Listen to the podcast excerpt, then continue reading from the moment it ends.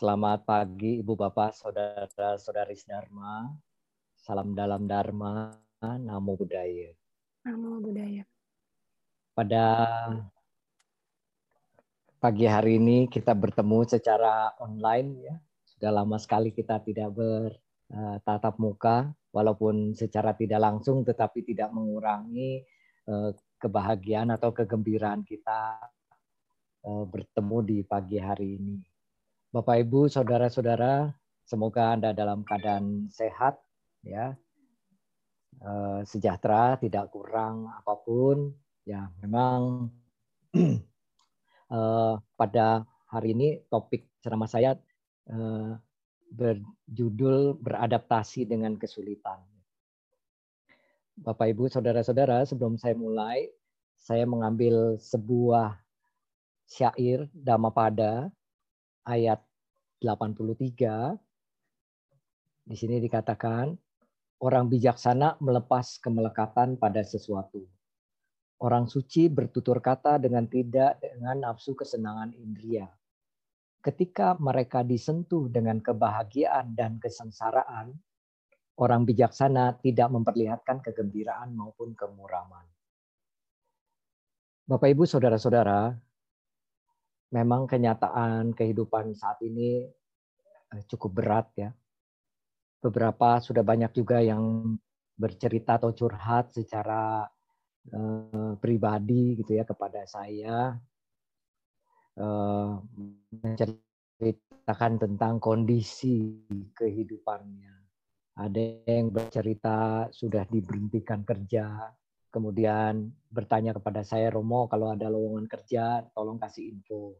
Ini buat saya juga hal yang cukup apa ya, uh, sedih juga memerlukan pekerjaan untuk mendapatkan nafkah ya untuk untuk kehidupan kita. Ada lagi yang curhat bercerita eh, kesulitan ekonominya pada saat ini.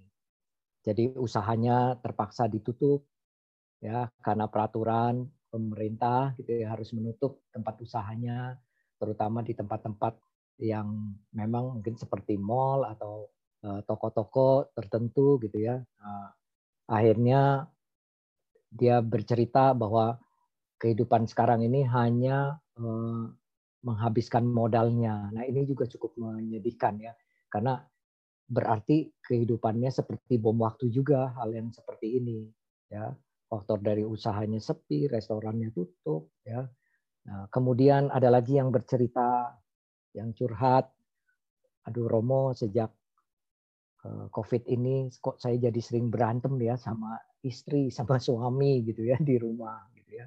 Eh, jadi sering ribut ketidakharmonisan di rumah tangga. Ya. Kemudian ada lagi yang bercerita, nah ini lebih lebih mengerikan ya kalau buat saya ya, yaitu bercerita bahwa saat ini dia mengalami kondisi yang stres berat, gitu ya. Bahkan tangannya bisa gemetaran, ya. Kalau dia misalnya melupakan sesuatu langsung apa gemetar gitu ya tangannya itu. Eh, kemudian eh, dia bercerita ya dan akhirnya saya bisa menyimpulkan bahwa bukan hanya cuma stres tetapi dia sudah kena depresi berat bahkan sampai bercerita kepada saya apa saya bunuh diri saja gitu kan. Nah ini Bapak Ibu saudara-saudara kita lihat betapa eh, banyaknya kesulitan dan permasalahan hidup eh, mungkin walaupun belum ada pandemik juga hidup udah banyak masalah gitu ya. Apalagi ditambah dengan kondisi saat ini semakin berat permasalahannya itu ada Bapak Ibu saudara-saudara kalau tadi diberhentikan kerja ya memang kondisinya banyak perusahaan juga kalau dari pihak manajemen atau pihak bos gitu ya bercerita juga mereka juga mengalami kesulitan juga. Bukan hanya karyawan, tetapi pemilik usaha juga mengalami kesulitan yang cukup berat buat mereka. Ya. Tetapi buat kita yang sebagai pekerja, marilah kita coba melihat kalau misalnya kita memang mempunyai kemampuan, satu kemampuan atau skill di dalam kehidupan kita, gunakan kemampuan kita ini untuk bisa meneruskan pekerjaan kita. Artinya kalau kita sudah diberhentikan atau mungkin dirumahkan sementara, mungkin kita bisa mencari lagi tempat pekerjaan yang lain. Memang tidak semudah yang kita pikirkan mencari pekerjaan saat ini, tetapi bukan berarti tidak bisa, saudara-saudara. Mencari pekerjaannya jangan cuma tanya kepada teman satu dua orang saja, tetapi juga harus bisa kita punya koneksi yang cukup banyak kepada teman-teman yang lain. Makanya inilah diperlukan eh, bagaimana hubungan baik kita kepada orang banyak. Ya, bagaimana menjaga kondisi kita yang baik, sifat-sifat kita yang baik, sehingga orang lain pun bersedia atau mau membantu kita untuk mereferensikan kita. Nah, ini penting dan uh, untuk mencari pekerjaan bukan hanya sifatnya yang secara manual seperti itu saja, tetapi juga kita harus coba aktif mencari di uh, online begitu ya, job street misalnya ya. Nah, itu juga uh, cukup banyak dan memang Anda harus punya skill. Anda harus punya kemampuan tertentu untuk sebuah pekerjaan. Ya, masalahnya ini banyak orang dia tidak punya skill dan dia tidak punya pendidikan juga. Nah, kondisi seperti ini ini akan semakin mempersulit dia. Karena sebetulnya orang itu tidak bodoh. Tetapi sebetulnya hanya malas saja. Gitu ya. Orang tidak sekolah pun kalau dia punya skill misalnya bongkar motor, servis motor dan lain sebagainya, itu masih bisa melakukan satu pekerjaan yang bisa mendatangkan penghasilan buat dia. Ya. Tetapi karena orang ini memiliki sifat malas, tidak mau mengembangkan diri dan selalu merasa enjoy dalam zona amannya, akhirnya dia merasa bahwa hidup dia aman-aman saja. Begitu ada masalah kondisi seperti ini, maka yang terimbas adalah dia. Ya. Yang lain terimbas juga, terimbas juga, tetapi yang lain masih bisa bertahan. Tetapi orang-orang yang seperti ini, yang tidak bisa mengembangkan dirinya, dia akan uh, tergilas habis. Karena apa? Ya, inilah yang dikatakan uh, kehidupan ini orang harus pintar beradaptasi, gitu ya. Jadi di saat keadaan yang sulit, dia tidak akan terpuruk, walaupun dia sempat uh, terdampak, tetapi dia tidak terpuruk Nah, kalau kita melihat sekarang kondisi perkembangan zaman dan teknologi, nah mau nggak mau kita dipaksa buat belajar. Semua orang tua dipaksa mengerti yang namanya Zoom. Semua orang tua dipaksa mengerti yang namanya classroom, ya, eh, dan lain sebagainya untuk mengajarkan anak-anaknya di rumah. Banyak yang stres juga itu orang tua, gitu ya. Jadi bukan masalah ekonomi saja stres ngajarin anak pun banyak yang stres di rumah ya. Eh, kalau ngedengar tetangga itu bisa setiap hari ada yang teriak gitu di antara rumah tetangga itu untuk ngajarin anak-anaknya. Karena apa? Ya karena kondisi seperti itu, ya. Karena tidak bisa mengikuti perkembangan, kemudian dipaksa dengan kondisi tersebut, akhirnya di awal-awal itu keluhan orang tua sangat banyak sekali. Gitu ya. Bahkan sampai ada yang mereka menanyakan, kapan ini sekolah dimulai, kapan sekolah dimulai, padahal resikonya sangat tinggi gitu ya. Karena apa? Mereka merasa Eh, orang-orang yang berteriak seperti itu pasti dia tidak bisa beradaptasi dengan cepat. Oleh karena itu sebetulnya diri kita ini punya sebuah kemampuan bagaimana kita bisa beradaptasi dengan keadaan. Harusnya bisa begitu Bapak Ibu Saudara-saudara. Cuma masalahnya nanti tingkat kebijaksanaan ya, tingkat pengalaman hidup itu yang akan menentukan orang itu bisa nggak cepat beradaptasi. Kemudian cobalah yang bagi Anda yang mungkin sedang diberhentikan kerja atau dirumahkan begitu ya saat ini cobalah belajar skill yang baru ya tambah kemampuan Anda selama di rumah misalnya jadi jangan cuma nonton drakor ya eh, apalagi di rumahnya dilengkapi dengan eh, TV kabel gitu ya. Bisa apa pakai Netflix dan lain sebagainya. Nah itu dia. Ya saya juga jadi hobi nonton juga tuh di rumah ya karena nggak ngapa-ngapain ya. Tadinya nggak sempat nonton uh, drakor jadi nonton drakor juga dengan anak-anak gitu ya. Nah, seperti itu. Jadi uh, tetapi jangan terlena. Artinya apa? Di masa kita uh, kondisi istirahat atau stuck seperti ini, mari kita coba ya kita ya skill yang baru saat ini. Mungkin awalnya Anda tidak punya skill berdagang secara online, sekarang malah jadi punya skill berdagang dengan online. Nah, contoh lain misalnya just tip gitu ya. Sekarang juga lagi tren tuh just tip jasa titip ya. Nah, itu juga menambah kemampuan, menambah skill, juga menambah penghasilan. Sebetulnya di masa di mana ada satu lubang tertutup, pasti ada satu lubang yang terbuka. Artinya eh, kehidupan itu di mana ada kesulitan nanti ada satu kemajuan lagi untuk eh, kehidupan kita, ada jalan lagi untuk eh, mengatasi kesulitan kita.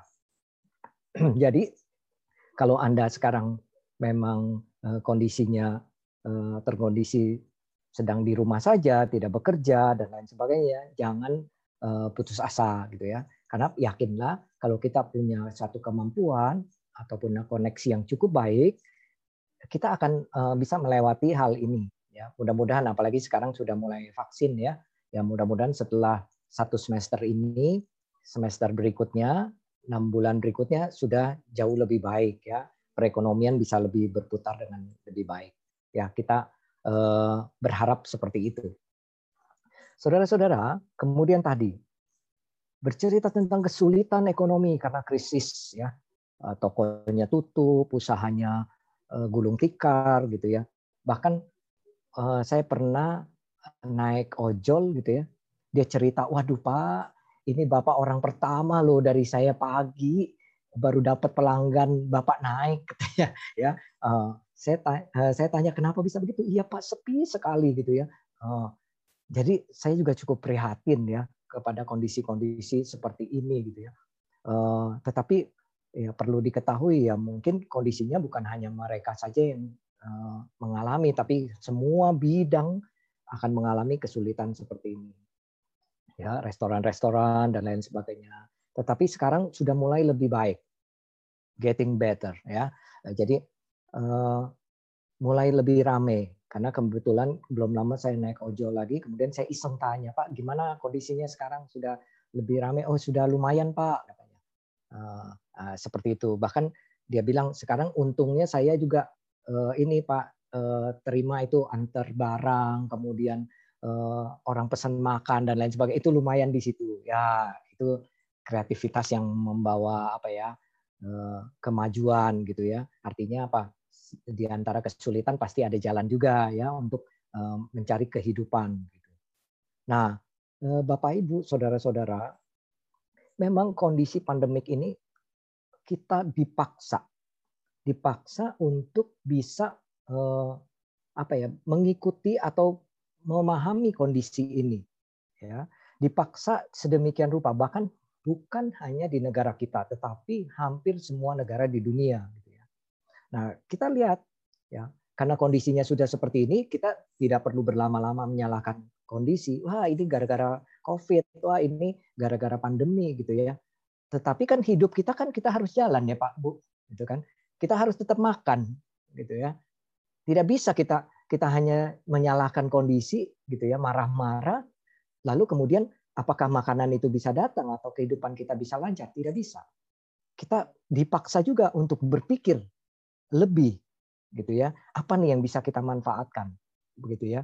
Mungkin di rumah Anda dengan kondisi kesulitan ekonomi seperti ini Anda punya rumah yang punya halaman cukup luas, jangan sampai halaman Bapak Ibu saudara-saudara cuma jadi rumput tumbuh.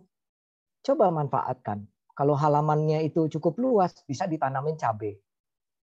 Ya, cabai sekarang mahal, lumayan kan begitu begitu dipetik nggak usah beli cabai satu kilo seratus ribu katanya ya enam puluh lima ribu gitu kan nah, lumayan kan itu eh, jadi eh, apa membantu gitu kondisi di rumah kita manfaatkan itu ya apalagi yang punya lahan yang kosong Bapak Ibu. Coba pikirkan, jangan sampai lahan kosong itu tidak menghasilkan. Nah inilah yang membuat kita jadi berinovasi. Oh iya, lebih baik saya tanamin sayur ya, atau tanaman hidroponik ya, ah, dijual cukup mahal gitu kan. Banyak orang yang cari. Nah, Bapak Ibu, saudara-saudara, inilah di mana satu satu bidang kita ah, tersendat, tapi satu bidang ini kita terbuka. Artinya kita manfaatkan itu, Bapak Ibu, saudara-saudara. Romo, rumah saya cuma ukuran kecil doang, nggak ada halamannya. buka pintu langsung jalan raya gitu ya. Kalau yang kondisinya seperti itu ya memang uh, ya kondisinya sulit gitu ya. Uh, tapi ya cari yang lain lagi gitu. Nah ini sebuah contoh bagaimana kita mulai berpikir cara berbisnis kita. Yang tadi buka toko, usaha dan lain sebagainya. Kalau yang tadi kerja sudah, yang sekarang buka usaha, cara berbisnisnya bagaimana? Apakah eh, kita sudah mengikuti kondisi saat ini online, ya, atau di media sosial kah? Yang awalnya juga eh, banyak orang eh, kemudian mengeluh gitu, tapi setelah disarankan coba di share share gitu produknya gitu ya daripada itu status WA cuman foto-foto Anda yang selfie doang gitu ya. Nah, lebih baik kan di share-share. Anda bisa bikin kue gitu ya, di share gitu kan, di status gitu kan. Siapa tahu eh ini kue dijual ya. Ah, lumayan kan. Nah, seperti itu. Dan ternyata saudara-saudara eh, tidak disangka-sangka loh. Banyak juga orang yang akhirnya setelah dia diberhentikan kerja, dia iseng-iseng seperti ini dan akhirnya ini jadi penghasilan dia, jadi penghidupan dia saat ini. Nah, ini saudara-saudara, jadi sebetulnya kita tidak jangan terlalu lama menyalahkan kondisi saat ini. Tapi kita coba pikirkan bagaimana mengatasinya, beradaptasi dengan keadaan yang sulit ini. Karena kita masih bisa dikasih jalan.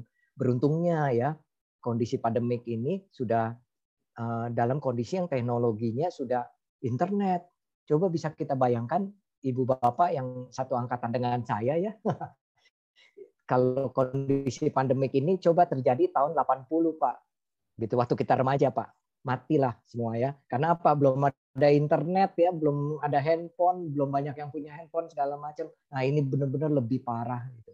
Nah harusnya begitu kondisi seperti ini saya juga masih berpikir waduh beruntungnya dunia saat ini sudah terkondisi lebih maju. Sehingga eh, teknologi mendukung. Artinya apa? Bisa membantu kesulitan pada saat ini. Nah ini dia Kemudian tadi juga, wah jadi sering timbul uh, ribut Romo di rumah tangga gitu ya. Ya memang uh, permasalahan rumah tangga ini selalu ada. Tetapi memang kondisi pada saat pandemi ini banyak sekali kita lebih banyak kita dengar gitu ya. Ya karena akibat dari kebanyakan dari curhat-curhat itu akibat tekanan ekonomi Bapak Ibu ya karena suaminya diberhentikan kerja, tidak ada pekerjaan lain, ya karena di PHK atau karena work from home, gajinya dipotong, gitu kan.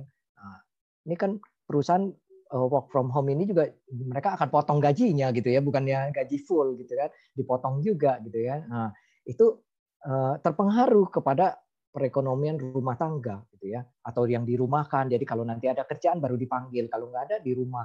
Nah ini akan mempengaruhi kondisi ekonomi di rumah tangga. Dan begitu kondisi ekonomi eh, terpengaruh, ekonomi terpengaruh, pasti keharmonisan rumah tangga juga terpengaruh.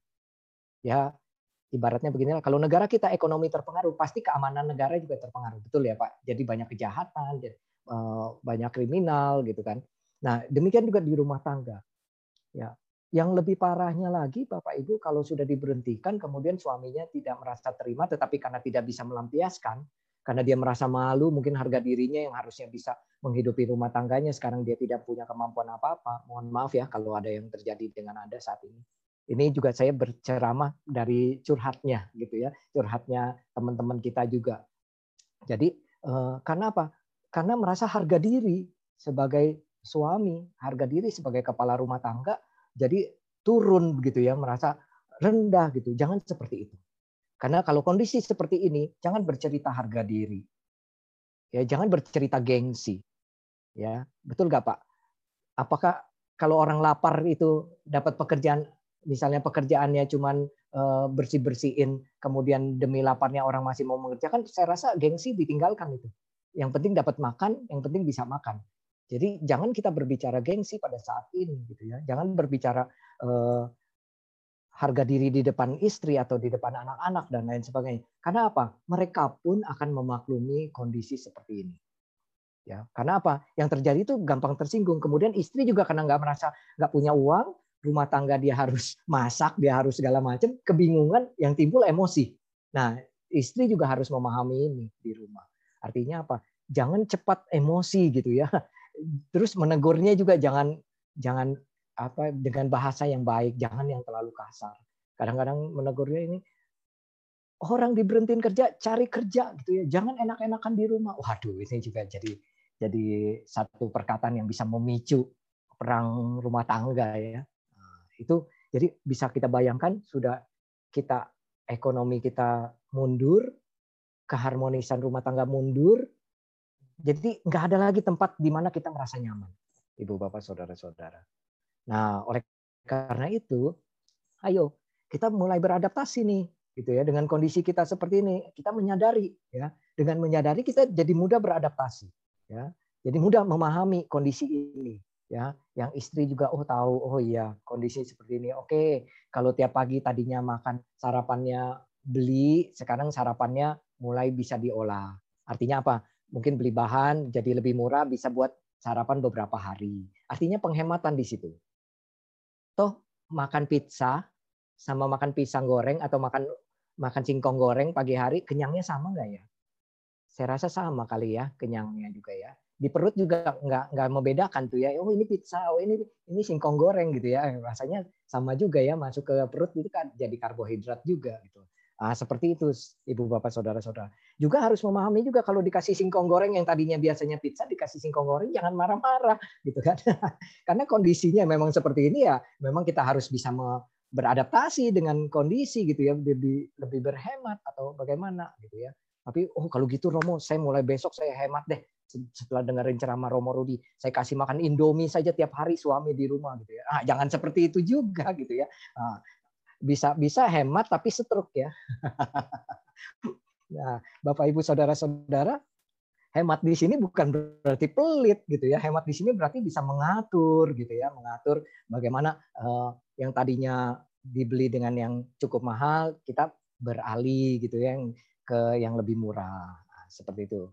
Tetapi semua dalam uh, makanan yang sehat gitu ya dengan kondisi yang tetap baik gitu. Nah, demikian ya. Jadi uh, harus bisa saling memahami kondisi rumah tangga saat ini jadi tidak boleh memaksa juga anak-anak ya saudara-saudara yang masih anda yang masih uh, hidup dari orang tua dengan kondisi seperti ini, Anda justru harus berpikir bagaimana cara membantu orang tua Anda. Ya, bukan berarti Anda yang masih sekolah tidak bisa melakukan sesuatu untuk membantu orang tua Anda. Tetapi Anda harus berpikir bagaimana caranya berinovasi supaya bisa menghasilkan. Walaupun di rumah selama ini kan Anda yang sekolah di rumah satu tahun nih, genap 16 Maret Anda satu tahun di rumah.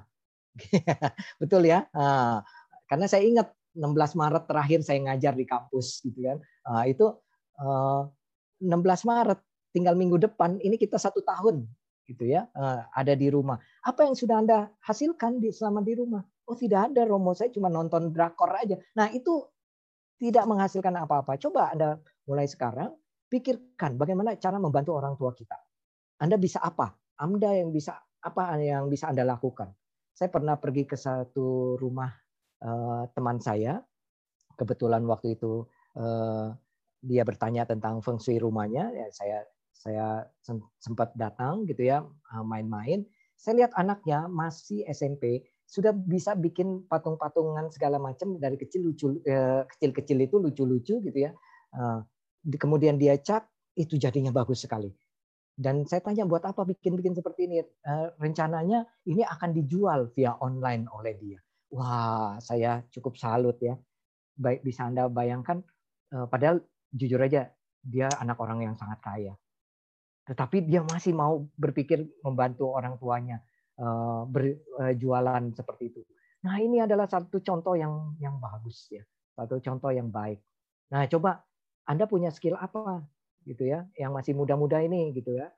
Coba Anda bisa apa melakukan sesuatu untuk menghasilkan ya. Yang paling tidak sudah tidak minta jajan lagi dengan orang tua itu pun sudah membantu orang tua gitu ya. Nah ini saudara-saudara.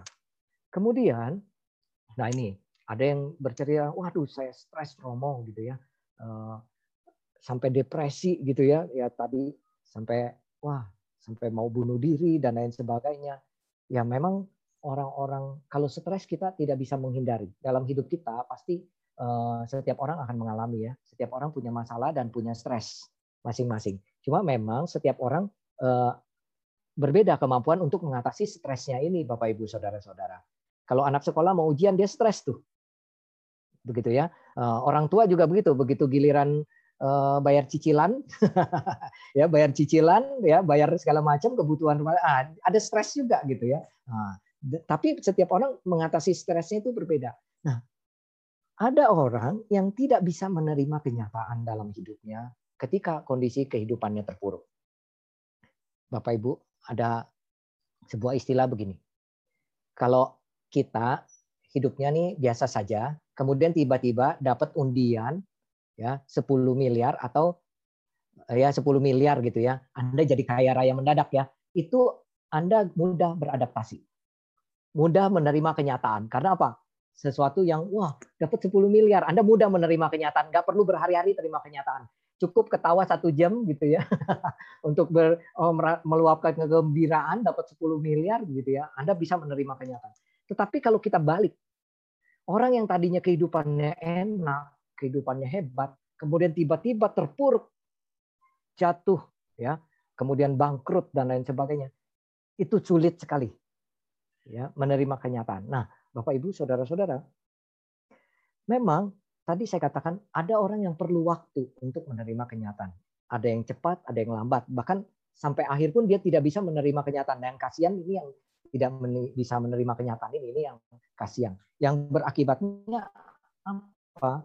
Dia akan mengalami kondisi stres yang berat, yang akhirnya kepada depresi. Ya. Apalagi tadi sudah diberhentikan kerja, kemudian otomatis kehidupan ekonominya jadi sulit, kemudian rumah tangganya jadi berantakan. Ya, bahkan eh, ada yang sampai ditinggal oleh eh, istrinya, ditinggal pergi oleh istrinya dalam kondisi sulit seperti ini. Nah, ibu bapak, saudara-saudara, kita jangan seperti itu ya. Dalam kondisi justru dalam kondisi sulit, harusnya yang apa suami istri harusnya bisa lebih kompak ya. Harusnya bisa lebih kompak. Artinya apa? Bisa saling bantu pada saat di masa sulit bukan ditinggal gitu ya. Ini kasihan juga nih ya. Ada yang bercerita begitu ditinggal gitu ya. Jadi ditinggal eh, kemudian menambah stres dia.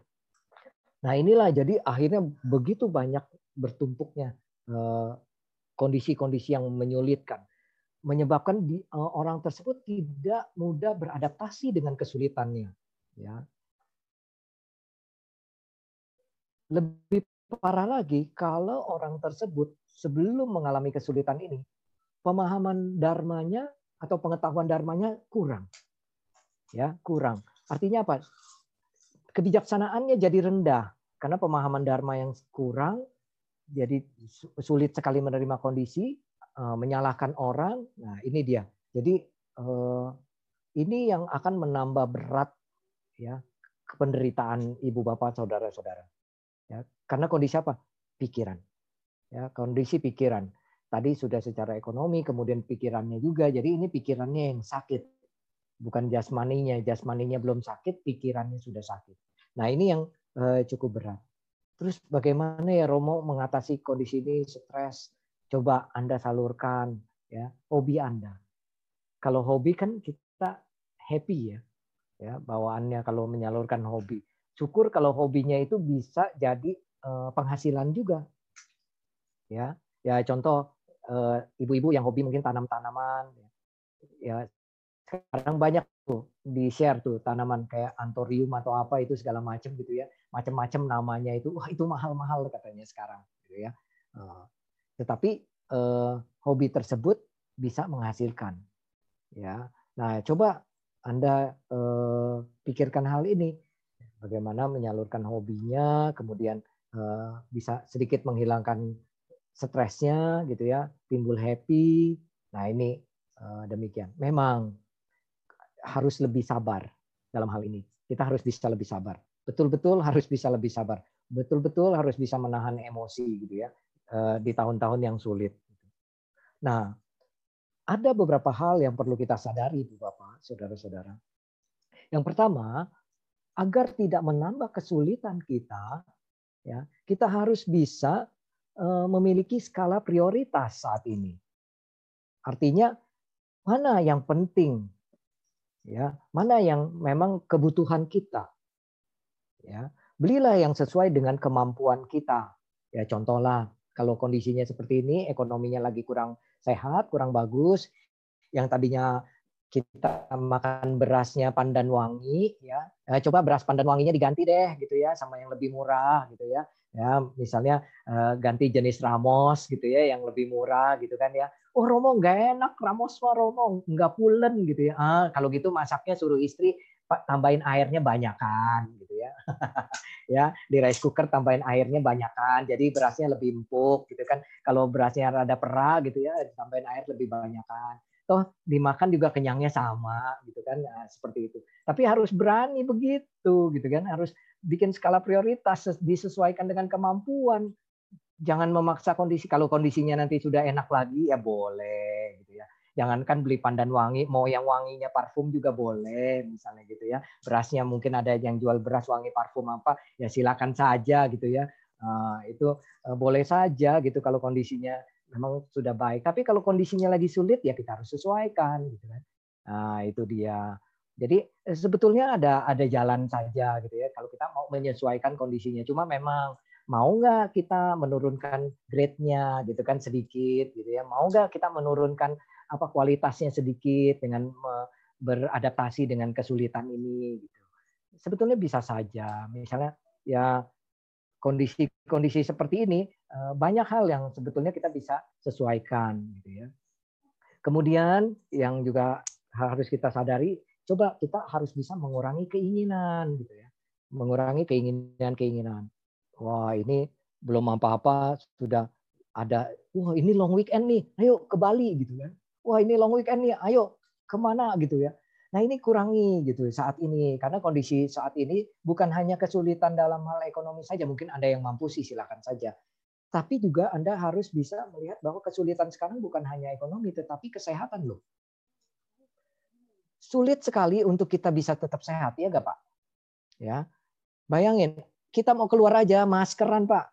Gitu ya nggak boleh sembarangan juga kita was was kalau ada orang datang kita was was kalau kita pergi keluar kita was-was gitu ya, naik kendaraan umum apalagi. Nah, kesulitannya juga dalam masalah kesehatan. Jadi, jangan memancing kesulitan itu datang kepada kita. Ngerti ya Ibu Bapak?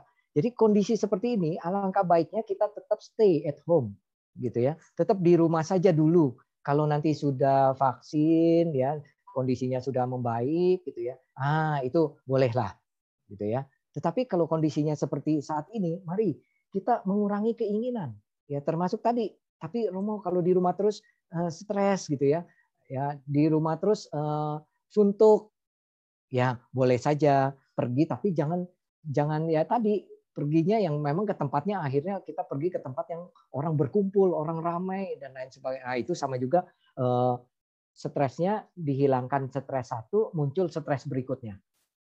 Ya yang stres berikutnya yang tadinya stres yang satunya karena kita cuma suntuk aja nggak perlu modal akhirnya kita hilangin stres yang tadi nggak perlu modal, akhirnya dapat stres yang perlu modal. Begitu Anda kena penyakit, nah itu modalnya bisa ratusan juta. Nah ini yang harus kita sadari itu ya. Jadi coba kita mengurangi dulu keinginan-keinginan kita, gitu ya. Anggaplah saat ini kita sedang apa namanya eh, membina diri bertapa lah itu istilahnya ya. Kalau istilah eh, ambil ambil istilah dari teman-teman yang lain bertapa lah. Pangeran Sidarta aja enam tahun loh ibu bapak, gitu ya. Ah, kita baru setahun belum nyampe ya. Ah, coba dong, sabar sedikit gitu ya. Anggaplah kita sedang mengalami uh, tapa berata gitu ya, uh, mengalami hal ini. Jadi kita sesuaikan semuanya. Dengan begitu kita ya belajar memaksa diri ini harus bisa beradaptasi. Kemudian ya uh, hal yang perlu kita perhatikan atau kita sadari jika terjadi masalah, kita harus cari sebabnya. Bukan hanya menghilangkan dampaknya. Contoh nih, Bapak Ibu. Ya, kalau misalnya Anda kesulitan keuangan, wah, ini Anda mengatasi dampaknya saja, oh gampang mau pinjam. Gitu ya. Cuma, uh, ambil pinjaman online dan segala macam. Bapak Ibu, ini banyak yang sudah curhat juga ke saya dan juga kejadian banyak beberapa teman-teman saya juga terjerat dengan hutang pinjaman online. Akhirnya hidup tidak tenang, gitu ya. ekonomi nggak maju juga, hidup tidak tenang, diuber-uber orang juga. Seperti itu. ya, diteror orang juga. Nah, ini bukannya memecahkan masalah selesai, tapi kita memecahkan masalah dengan masalah baru. Nah, jangan seperti itu, ya. Syukur kalau sebelum kejadian ini kita sudah punya tabungan, sudah punya simpenan gitu ya. Jadi eh, bisa membantu kita tuh simpenan kita yang kemarin. Mungkin ibu bapak nyimpen emasnya 5 kilo bisa dijual dulu setengah kilo gitu ya nah, misalnya gitu ya kalau punya tabungan bisa diambil dulu deposito bisa diambil dulu untuk mengatasi masalah saat ini gitu nah itu akibat dari timbunan eh, tabungan kita, timbunan karma baik kita gitu kan. Yang lalu sebelum mengalami kesulitan. Nah, saat kalau masih saat ini Romo saya bersyukur loh walaupun sulit saat ini saya masih bisa eh, bertahan bahkan bisa nabung sedikit-sedikit. Wah, itu betul-betul luar biasa karma baiknya ya. Orang-orang susah dia masih bisa nabung gitu ya. Wah, itu uh, sangat apa berarti karma baik Anda berarti masih di atas rata-rata gitu ya. Di mana kondisi di dunia orang mengalami kesulitan, Anda di antara orang di dunia Anda bisa uh, apa bisa lebih beruntung gitu. Berarti Anda harus bersyukur gitu ya. Kita harus menyadari itu. Artinya apa? Nah, inilah kita harus tahu segala sesuatu yang terjadi pasti ada sebabnya. Nah, ini maka dari itu kalau jangan uh, mengatasi sebuah uh, dampak dengan masalah baru. Ini yang paling penting gitu ya. Nah, kemudian yang berikutnya adalah coba Selesaikan masalah pekerjaan Anda, keluarga Anda, keuangan Anda saat ini. Cari jalan keluar. Misalnya terkondisi tadi, ya. Oh, kalau pekerjaannya tidak ada dan coba cari jalan keluar. Ya, kita mungkin uh, punya teman-teman, kita bisa bertanya. Masalahnya kita punya jaringan nggak selama ini? Sebelumnya kita punya teman-teman baik nggak selama ini? Jangan-jangan temannya hanya teman-teman tupok bareng aja, judi bareng gitu ya. Uh, teman judi bareng begitu dampak covid gini semuanya kena susah. Mau minta tolong teman semua juga lagi susah gitu kan. Nah, seperti itu. Jangan makanya jangan berteman dengan teman-teman yang kurang bermanfaat. Cari teman-teman yang juga punya kesuksesan punya kemampuan uh, lebih punya skill yang baik sehingga kita bisa ketularan pinternya gitu ya. Nah ini uh, menjadi pembelajaran buat kita di saat kita susah. Waduh Romo teman-teman kalau susah mah gak ada yang mau bantu kalau saya lagi banyak duit tuh Romo, banyak teman semua pada ngumpul gitu ya, minta ditraktir makan segala macam. Nah, selama ini kita bertemannya bagaimana? Anda bertemannya apakah untuk foya-foya? Ya, Anda cari teman apakah Anda cuma untuk Anda ajak makan bareng aja? Semua pasti senang diajak makan bareng.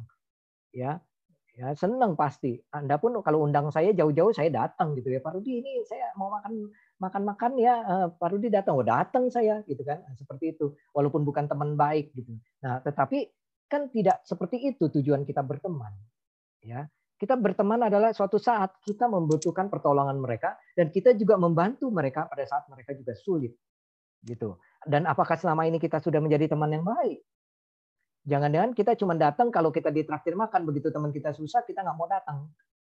Jangan-jangan kita seperti itu. Nah, jangan demikian. Artinya inilah pentingnya kita memiliki relasi atau network, ya hubungan, jaringan, pertemanan yang bagus, gitu. Karena apa? Kondisi seperti ini, jaringan pertemanan itu sangat penting. Kayak dagang online segala macam. Anda share-nya ke mana? Pasti ke teman-teman, begitu kan? Ya, pasti ke masyarakat luas. Gitu. Nah, ini yang menjadi hal yang penting. Maka dari itu, saudara-saudara, eh, jadi kalau misalnya tadi masalah pekerjaan, coba tanya teman-teman, bisa bantu dan lain sebagainya. Siapa tahu teman ada satu usaha, nih, eh, saya ada konveksi nih, tapi eh, buangin benang mau nggak? Buangin benang, ya udah nggak apa-apa, ambil ya, buangin benang, misalnya gitu ya. Ada konveksi itu buangin benang itu dilempar ke masyarakat gitu ya. Atau pasang kancing, ya udah pasang kancing. Yang penting kan Eh, kita ada usaha, ada pemasukan gitu ya. Nah, seperti itu. Itu karena dari teman-teman, hubungan teman-teman baik. Gitu. Juga kalau masalah keluarga, coba bicarakan lagi. Jangan memperuncing masalah akhirnya uh, ujung-ujungnya ya udah kita pisah saja, kita bercerai saja. Eh, jangan mengambil keputusan cepat seperti itu di dalam kondisi seperti ini. Coba bicara baik-baik, perbaiki cara komunikasinya, cara berbicaranya, lebih lemah lembut gitu ya. Aduh, Romo kalau ada duit sih cocok aja, kalau nggak ada duit ciong katanya. Ah, seperti gawat deh ya. Ah, kalau nggak ada duit ciong katanya ya. Ah, kalau ada duit hap aja gitu ya. Jangan begitu gitu kan. Ya masalahnya kehidupan kan nggak selamanya senang. Pasti ada masa susahnya juga. Kehidupan juga nggak selamanya sehat. Pasti juga ada sakitnya juga. Nah, ya bagaimana caranya pada saat sakit ya jangan ngeluh aduh ini saya sakit batuk-batuk terus nggak sembuh-sembuh kita ngeluh terus nggak beli obat nggak bisa sembuh pada saat kita batuk ya kita cari obat. Nah, itu caranya beradaptasi dengan kondisi, dengan keadaan. Jangan kalau kita sakit kita diem saja gitu ya. Nah, kita marah-marah saja. Nah, jangan seperti itu. Nah, kemudian juga eh, coba hubungan baik dengan teman-teman kita jaga pada saat ini ya. Nah, inilah sebetulnya Bapak Ibu ujian hidup kita. Ya, ujian hidup kita. Di mana di era ini anda yang sudah mungkin SMA, SMP, SMA, kuliah, Anda mengalami masa sulit ini. Ya, orang tua juga mengalami masa sulit ini. Mungkin kalau anak-anak kita yang masih SD belum belum merasakan gitu ya. Walaupun dia tahu ada COVID tapi mereka nggak happy happy aja tuh ya anak saya juga tuh main aja tuh di rumah gitu ya happy happy aja dia nggak pikirin gitu ya nah, karena memang berbeda masanya gitu ya nah bapak ibu ini adalah pengalaman hidup kita dalam sejarah hidup kita di kehidupan kita yang sekarang. Ya mudah-mudahan ini akan menambah kekuatan kita berikutnya. Ya, ya seperti halnya beginilah orang yang tadinya nggak kena COVID, kemudian kena COVID. Setelah kena COVID, kan dia jadi kebal COVID ya. Uh, sampai uh, vaksin aja dia nggak perlu vaksin. Beberapa bulan kalau yang sudah kena COVID, dia nggak boleh vaksin dulu saat ini. Karena apa? Tubuhnya sudah punya kekebalan alami Nah, kita juga begitu Bapak Ibu. Kalau yang pernah ngalamin susah, begitu dia mengalami satu kesusahan, dia dia akan bilang, "Wah, dulu dulu mah papa waktu kecil lebih susah dari sekarang." Ya, itu kalau cerita orang tua tuh begitu tuh. Kamu mah enak sekarang ya. Mau apa orang tua bisa beliin dulu papa mau apa harus ini dulu, kerja dulu apa dulu. Nah, itu. Nah, artinya apa? Punya kekebalan.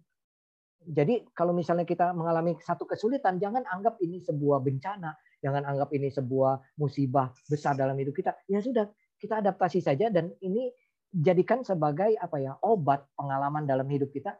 Begitu kita nanti uh, mengalami kesulitan yang lebih ringan, kita merasa wah ini nggak sesusah zaman dulu gitu ya. Nah, kalau cerita engkong saya dulu, waduh uh, makan uh, susah dan lain sebagainya. Nah itu sekarang biarpun susah orang masih ketemu nasi, masih ketemu beras.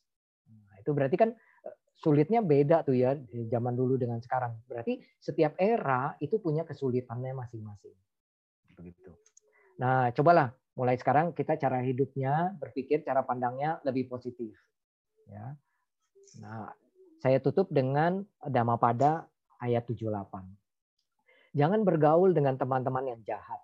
Jangan bergaul dengan orang-orang yang buruk. Bergaulah dengan teman-teman yang baik. Bergaulah dengan orang utama. Baik Bapak Ibu, saudara-saudara, demikianlah eh, ceramah saya pada pagi hari ini. Semoga bermanfaat buat Ibu Bapak. Tetap semangat, jangan putus asa ya. Semuanya juga susah gitu ya, bukan hanya Ibu Bapak, semua susah. Apalagi kalau kita kalau kita lagi susah bagaimana Romo cara ngatasinnya? Dengerin cerita orang yang lebih susah dari kita, baru kita happy deh. Karena apa? Oh, ternyata dia lebih susah dari saya loh. Saya mendingan gitu ya. Ah, seperti itu. Baru rasa susahnya hilang ringan gitu ya. Makanya kalau lagi susah jangan ngeluh. Cari teman yang juga susah gitu ya, saling curhat gitu ya. Ah, nah, itu uh, begitu ya. Ya, ya tapi juga eh, jangan hanya curhat, tetapi juga harus bisa kita cari jalan keluarnya seperti yang tadi saya sarankan di uh, sebelum ini dalam ceramah saya. Terima kasih. Salam dalam Dharma. Namo Buddhaya. Namo Buddhaya. Selamat siang, nama budaya Romo.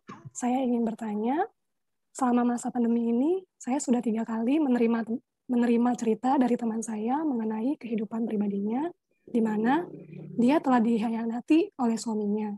Kejadian ini merupakan perselingkuhan yang sudah berlangsung lama dan sudah banyak bukti dan saksi atas kejadian tersebut.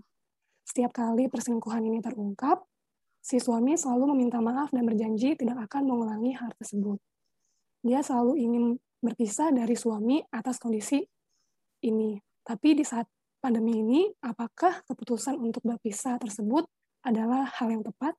Terima kasih, Romo. Oke. Baik, saya langsung jawab. Apa ada pertanyaan lain? Langsung jawab. Boleh langsung dijawab, Romo. Baik, baru satu ya. Baru satu. Ya, baik.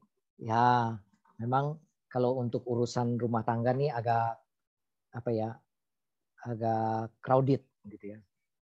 Kadang-kadang eh, masalah ini eh, banyak dialami gitu ya. Tapi ini karena masalahnya bukan hanya pada saat pandemi ya, tapi ini sudah lama bergerak. Berarti ini ibarat orang mau penyakit lama kambuhan. Ya, penyakit kambuhan gitu ya. Nah, seperti itu. Nah, mungkin eh, kalau saya sih ini kan kita eh, mendengarnya adalah dampaknya saat ini bahwa suaminya mengkhianati dia dan lain sebagainya. Kita tidak tahu sebabnya. Ya, makanya saya selalu eh, mengajak teman-teman sekalian coba kita telusuri, kita analisa sebabnya bagaimana kok suaminya bisa berkhianat gitu ya. Nah, istilahnya gitu. Dulu menikah bagaimana? Apa nggak ada perasaan? Ketemu langsung begitu ketemu di bus, eh saling kenal, kenalan langsung diajak menikah gitu. Nggak mungkin kan ya. Uh, pasti ada rasa saling sayang, saling cinta gitu kan. Tapi kemudian uh, terjadi hal perselingkuhan dan lain sebagainya. Uh, coba sebabnya apa? Apakah jangan-jangan si istrinya ya ini ini kita menganalisa ya. Ya, ini menganalisa apakah jangan-jangan kalau suaminya pergi istrinya daster, suaminya pulang kerja istrinya daster juga gitu ya. Jadi tiap hari dia lihatnya daster gitu ya. Nah, seperti itu ya. Uh, si istri apakah cara komunikasi dengan suami baik? Ini bukan membela suami ya, ini dari saya saya menganalisa dulu nih satu-satu nih ya. Uh, apakah cara komunikasinya baik? Ada istri yang mungkin berkomunikasi dengan suaminya itu kasar. Sedangkan suaminya kalau berbicara dengan yang lain itu dia dapat perlakuan yang baik, lemah lembut, tutur katanya. Nah, ini juga harus di, di dianalisa nih gitu kan oleh si istri juga. Apakah si istrinya ini uh, sudah uh, mempunyai perilaku yang baik juga? Gitu. Nah, jadi uh, perlu diinikan juga, perlu diperhatikan juga karena ini pernah juga ada orang cerita curhat begitu ya. Sama ya suaminya punya simpenan katanya ya. kemudian dia dia bilang mau bagaimana nih bercerai apa enggak nih gitu kan. Terus saya tanya gimana uh, kehidupan dia sehari-hari. Nah ternyata istrinya hobi judi. Jadi kalau suaminya kerja, istrinya judi di rumah gitu kan. Nah akhirnya, nah inilah yang menimbulkan ketidaksukaan, ketidaksenangan awal. Jadi, nah ini nah makanya sebab kan dicari sebab. Begitu sebabnya ketemu, nah akhirnya saling menyadari. Oh istrinya juga menyadari, oh iya suami nggak suka nih saya begini maka dia melakukan apa yang uh, tidak apa yang suaminya suka dan yang tidak suka dia tidak lakukan. Misalnya suaminya tidak suka judi, dia stop judi. Nah sejak saat itu suaminya jadi berubah sikapnya lagi. Nah ini juga banyak banyak faktor kalau rumah tangga ini gitu ya. Uh, yang kedua kalau misalnya dari pihak suaminya ya memang ada juga sih suami suami yang orang bilang uh, merasa tidak puas ya dengan dengan kondisi gitu kan. Artinya apa ya? Memang tipenya tipe uh, kalau kalau orang bilang kan kalau slang kan uh, penggemarnya slangker ya. Kalau ini selingkuh jadi selingkur gitu. Nah, jadi tipenya tipe selingker begitu ya. So, tipe hobi selingkuh gitu ya. Ada juga yang seperti itu gitu kan. Nah, ini harus disadari juga ini juga uh, sebuah apa ya? sebuah karma yang nggak bagus juga ya dapat suami yang demikian gitu. Saya prihatin juga dengan kondisi ibu ini gitu kan. Nah, kalau ditanya apakah kondisi seperti ini eh, apakah berpisah gitu. Nah, pikirkan baik-baik kalau saya sarankan. Saya tidak pernah menyarankan orang untuk bercerai. Karena apa? Coba pikirkan dulu baik-baik. Yang pertama, ya, apakah bercerai itu memecahkan masalah? Itu yang pertama. Ya, apakah bercerai itu memecahkan masalah? Yang. Yang kedua, setelah bercerai dampaknya apa? Pikirin dulu misalnya sudah punya anak, anaknya masih butuh eh, penghidupan atau eh, keuangan dari suaminya. Apakah setelah bercerai istrinya ini bisa mengatasi masalah keuangan? Jangan sampai setelah bercerai malah jadi stres, malah pengen bunuh diri. Yang tadinya cuman capek hati suaminya selingkuh nggak sampai niat bunuh diri, ini jadi setelah bercerai malah mau jadi bunuh diri. Ini kan tambah parah istilahnya begitu. Nah ini dianalisa baik-baik dipikirkan baik-baik ya. Karena dampaknya orang tua berpisah itu bukan kepada suami istrinya. Kalau suami istrinya egonya masing-masing, oh bercerai, oke okay, cerai gitu selesai. Tapi anak punya mental uh, berbeda. Psikologi anak akan terpukul pada saat orang tua bercerai. Perkembangan kejiwaan anak akan berubah pada saat bercerai. Beda loh anak yang keluarganya harmonis dengan anak yang keluarganya tidak harmonis. Perkembangan jiwanya itu berbeda. Ya. Nah, kemudian uh, setelah berpisah apakah uh, bisa menghidupi gitu ya kehidupannya. Nah, ini dia. Kecuali suaminya ini sangat keterlaluan ya, sampai istilahnya berusaha untuk membunuh istrinya dan lain sebagainya. Nah, ini juga ini berbeda kondisinya. Ya. Berbeda kondisinya yang seperti itu ya. Di zaman-zaman Buddha juga ada tuh seperti itu ya. Eh, cerita-cerita suami suaminya suka judi, suka minum, akhirnya istrinya mau dibunuh. Begitu. Nah, kalau yang seperti itu ya, karma perjodohannya memang eh, cukup berat. Mungkin kehidupan lampau ada hutang karma, ya hutang yang nggak dibayar dan lain sebagainya. Nah ini eh, demikian. Jadi kalau misalnya mau berpisah, pikirkan baik-baik dulu. Ya, pikirkan baik-baik dengan kebijaksanaan tadi yang seperti saya sarankan. Itu saja yang bisa saya jawab. Ya, terima kasih. Terima kasih Romo. Berikutnya ada pertanyaan. Selamat siang Romo, saya ingin bertanya pendapat Romo terkait mimpi yang kurang baik. Misalkan dalam masa pandemi ini saya selalu bermimpi yang tidak baik dan secara tidak langsung saya menjadi terbawa pikiran. Apakah ada cara agar kita tidak overthinking terhadap mimpi yang kita alami selama masa pandemi ini? Terima kasih. Baik, waduh, jadi nanya mimpi ya. Ah, ini tafsir mimpi nih ya. Bapak Ibu saudara-saudara, dalam agama Buddha mimpi disebabkan oleh empat hal. Empat hal. Ya, sebab dari mimpi.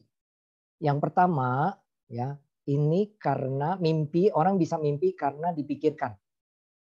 Siangnya memikirkan sesuatu, malamnya mimpi. Yang dipikirkan itu. Contoh misalnya anak sekolah mau ujian, dia belajar, ya, dia pikirin besok mau ujian, eh mimpinya lagi ujian. Nah, ini karena dipikirkan, gitu ya.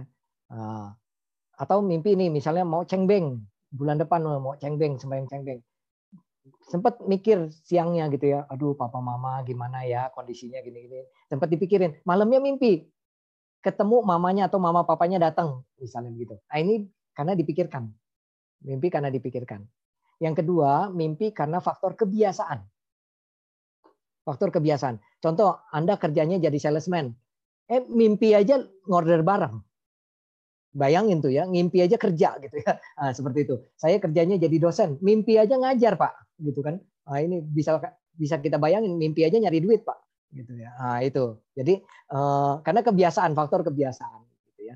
Anak-anak mungkin sering main gitu ya. Mimpi aja dia lagi main sama teman-temannya. Nah, ini karena eh, faktor kebiasaan sering kita lakukan.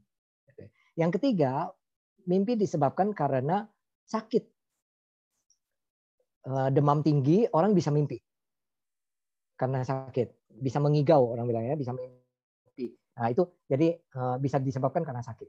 Yang keempat mimpi karena pemberian makhluk lain. Pemberian dewa atau pemberian leluhur kita kasih pesan padahal siangnya kita nggak pikirin apa-apa. Nah itu mimpi karena pemberian. Gitu ya. Nah sekarang mimpi buruk yang mana nih Romo? Ya mimpi buruk bisa juga karena dari firasat ya. Mau akan terjadi sesuatu atau juga karena memang apalagi yang orangnya tiap hari tidur mimpi tiap hari. Nah itu nggak tahu mimpi yang mana yang benar yang mana yang enggak gitu ya. Tidur sebentar aja mimpi gitu ya. Nah, itu berarti alam bawah sadarnya aktif sekali gitu ya. Aktif terus. Nah kalau anda mengalami sebuah mimpi yang kurang baik anda baca parita saja ya baca parita ya baca parita Eh, Patanu Modana juga boleh. Sabawa Manggala Mupadawa Duni Mitang Sabiti Roga Gahado sama Sesa Ninda. Ah, seperti itu ada di buku Parita. ya. Anda baca Parita itu saja. Ya.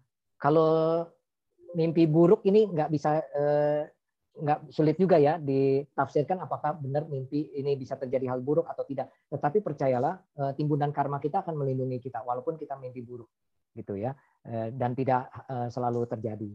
Baik, itu saja yang bisa saya jawab dah kalau mimpi. Kalau tadi soalnya mimpinya nggak dikasih tahu mimpinya kenapa gitu ya. Hanya mimpi buruk saja. Baik.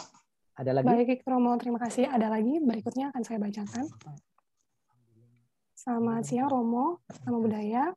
Uh, saat ini banyak orang susah karena dampak pandemi dari masalah ekonomi dan lain-lainnya.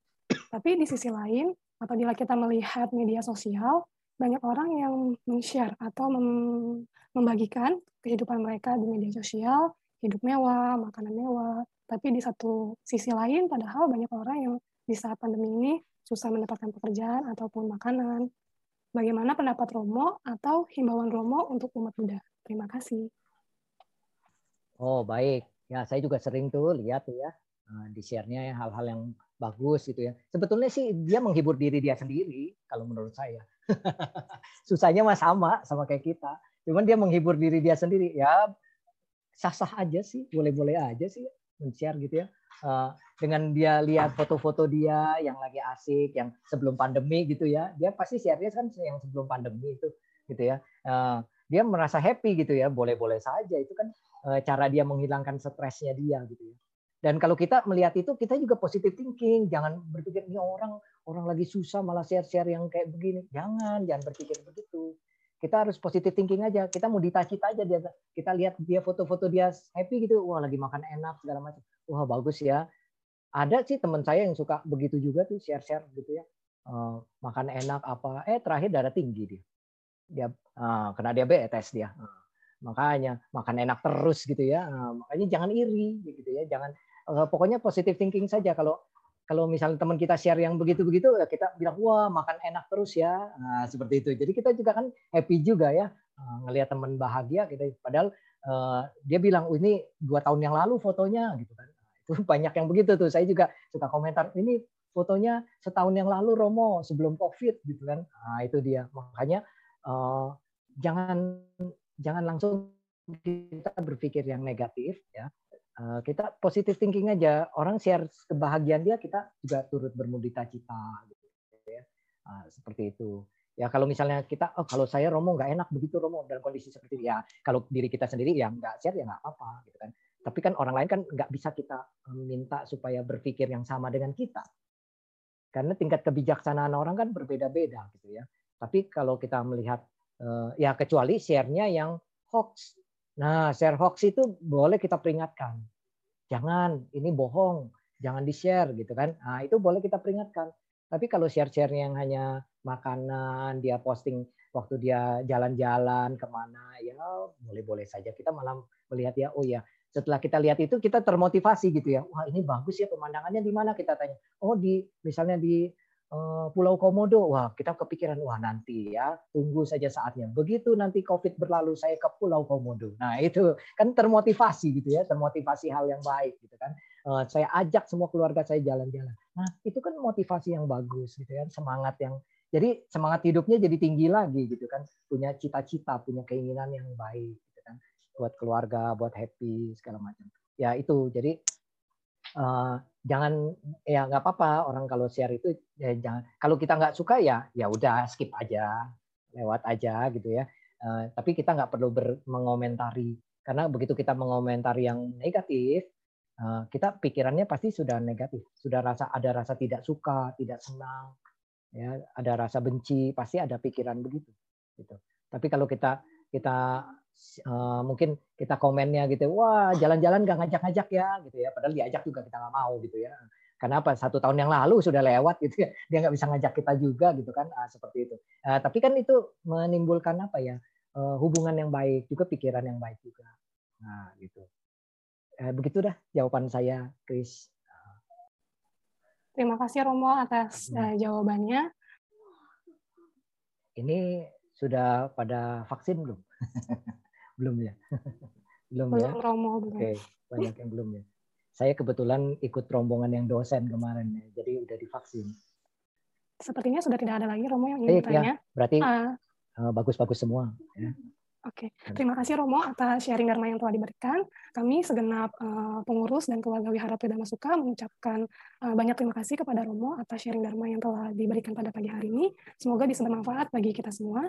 Apabila Romo ingin meninggalkan ruang Zoom terlebih dahulu, kami persilakan.